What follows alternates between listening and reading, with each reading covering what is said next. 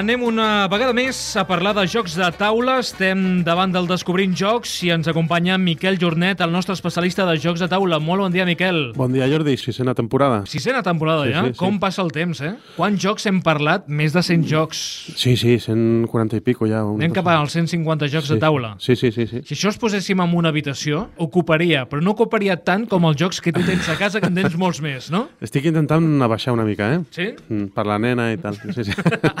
Has de buscar espai, no? Sí, sí, sí. Eh, bé, algun dia dedicaràs un programa a com classificar els jocs de taula, on posar-los, no? Mobles d'Ikea, que van molt bé. Sí? Sí, sí. I ens diràs quin moble específicament doncs, funciona. Avui anirem a, a la Lluna. Catch the Moon és el joc que ens proposes a, avui. Sí, un joc eh, francès eh, molt, Portes ale unes escales. molt alegòric, molt simbòlic, eh, ja veureu, i és un joc que ha sortit amb, amb el nom en anglès. Eh, Només es troba en anglès Catch the Moon, tot i que l'edició és en castellà, eh, la, el reglament i tot és en castellà, o en francès, que és de Crochet la Lune. No, de, bueno, no sé, no ho sé dir. De Crochet la Lune. A més, està molt bé aquest joc perquè hi ha com unes escales i és com si estiguessin fetes en marqueteria. Sí, eh? Que sí, a vegades sí, fèiem sí. a l'escola.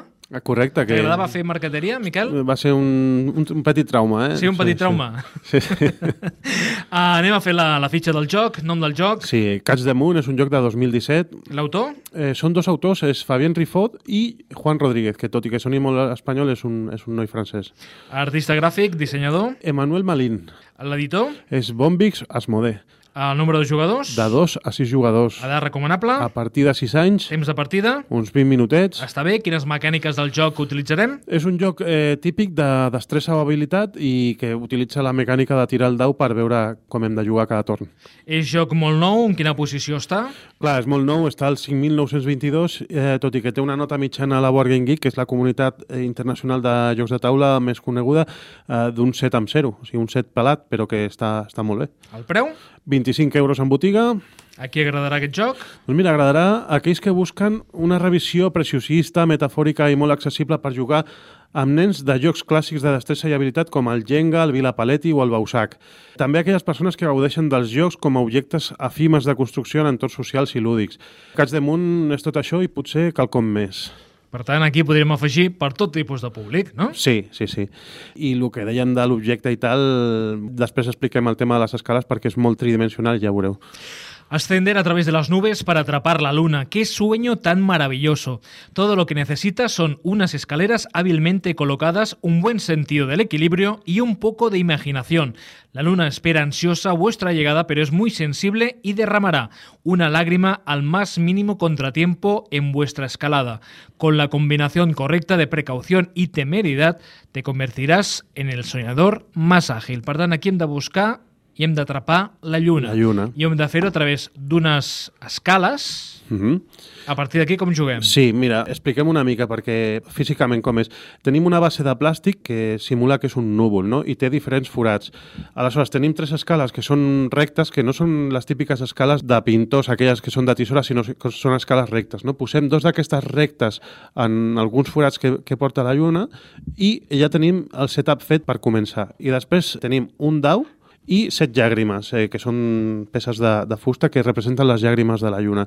Com va? El dau aquest té tres símbols, o sigui que és, eh, és 33%, 33% i 33%. Té un símbol d'una escala, que vol dir que si et toca aquesta cara quan tires perquè el tornes, tires el dau i el que et surt és el que has de fer. Si et surt una escala, el jugador de torn d'aquell moment ha d'agafar una escala de la pila d'escales aquestes que són una mica diferents, que no són rectes, algunes tenen pues, eh, un tros tallat i coses així, i si surt una escala ha de tocar una de les dues escales que hi ha col·locades inicialment, només una, i l'has de col·locar i que s'aguanti. Vale, eh, perfecte. Si tires el dau i et surten dues escales, jo ja he fet el meu torn, el segon jugador hauria de fer el mateix, però que toqui dues i només dues. Eh, no pot tocar tres ni pot tocar una. Si diu eh, dues, ha de tocar dues. I, atenció, diu que... Doncs ja comencem ja difícil amb la posició en què m'ho has deixat, clar, eh? Clar, clar, és que mentre ho estem explicant estem jugant, que això és la gràcia d'aquest joc. El reglament diu que els jugadors han d'utilitzar només una mà, que com estàs fent tu, Jordi, ara mateix. Vale, correcte, s'ha aguantat. Si el segon jugador tira i li surt la lluna, que és el tercer símbol que té aquest dau, hi ha una escala, dues escales o la lluna, has de col·locar una de les escales que, que agafis de la pila d'escales en aquesta figura i s'ha d'aguantar en una escala o en dues escales, però la condició és que quan acabis de col·locar amb una sola mà, l'escala que tu has col·locat sigui la més alta. Per això té el símbol de la lluna, que representaria que és la que estaria més a prop de la lluna. Eh, ho intento i si es queda bé i si no, mm, comença a ser difícil, eh? eh? Comença a ser difícil i acabem de començar el joc. Sí, sí, sí, sí. Eh, I amb una mà és complicat, que aquesta és la part que jo adaptaria per jugar-ho amb, amb nens. bueno, l'he acabat col·locant i sí que la punta és la que està més alta i ara et tocaria a tu. Eh, el que adaptaria per jugar amb nens seria això, que els nens puguin jugar agafant les escales amb dues mans i els adults amb una mà i així el hàndicap estaria una mica més compensat. Et toca, tires d'au, has de també col·locar-ho i que sigui la més alta. Aquest és el repte, no? Què passa? Quan cau, que està a punt de caure, Jordi, ara ha caigut, ¿vale? Fins i tot igual s'ha sentit, perquè com té la base de plàstic, a vegades fa aquest soroll. La lluna es posa molt trista i aquell jugador que ha fet que caigui l'estructura s'emporta una llàgrima. Però continuem jugant. Continuem jugant, Fins sí. que s'acabin les llàgrimes o... Co correcte. o Hi ha, el joc? hi ha dues maneres d'acabar. Fins que s'acabin les llàgrimes, que són set llàgrimes i es poden acabar tranquil·lament fàcil, perquè ja has vist que ha caigut a la tercera o quarta jugada, i aleshores es comptaria el jugador que tingui menys llàgrimes, el que ha fet plorar menys la lluna, seria qui guanya la partida, o si són molt bons, si hem fet una mega estructura com la que es veu a, a la part de darrere de la capsa, que, que, és, que és genial, sembla com un arbre d'escales que va pujant, doncs igual acabem quan s'han acabat les escales. I en aquest cas també seria el jugador que menys ha fet plorar la lluna. És un joc molt simbòlic, és una revisió del Jenga, perquè el Jenga també és un joc d'aquells de, de construir tal, de 3D, i ja calia que aquests jocs d'habilitat i de construcció eh, fossin revisats. Eh, jo diria que ara mateix, de les novetats que tenim, aquest cas damunt és el joc així de 3D i d'habilitat ideal per jugar amb famílies i nens i per jugar amb adults és un que està a punt de sortir per una editorial espanyola que es diu Ludonova, que és el Junkart.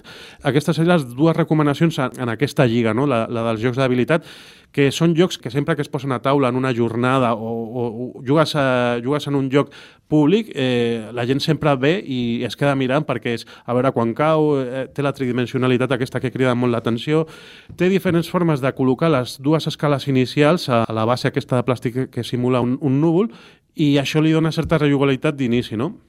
A més, és un joc que abans de finalitzar doncs, l'espai de l'avui del Descobrint Jocs, eh, Miquel, és el fet de que hi ha l'atzar, que són aquests daus, però eh, jugar més la nostra habilitat a l'hora d'anar posant aquestes escales de, de fusta. Eh? Sí, correcte. I una Però, cosa... clar, ho hem de fer amb una mà, eh? Amb No, una- no és fàcil, ho hem comprovat uh, i no és fàcil. Amb una mà, i els petits igual sí que li deixaríem dues perquè... perquè Tu canviaries la regla, no? Sí, seria una manera d'adaptar-ho. Una cosa que m'agrada molt és que al reglament hi ha el llibre de figures que li diu i et diu formes de col·locar i li dona noms a les, a, a les diferents eh, figures del llibre de figures. Eh, un d'aquests noms que m'agrada molt és el apoyo vergonzoso, té una component mig eh, sexual, no?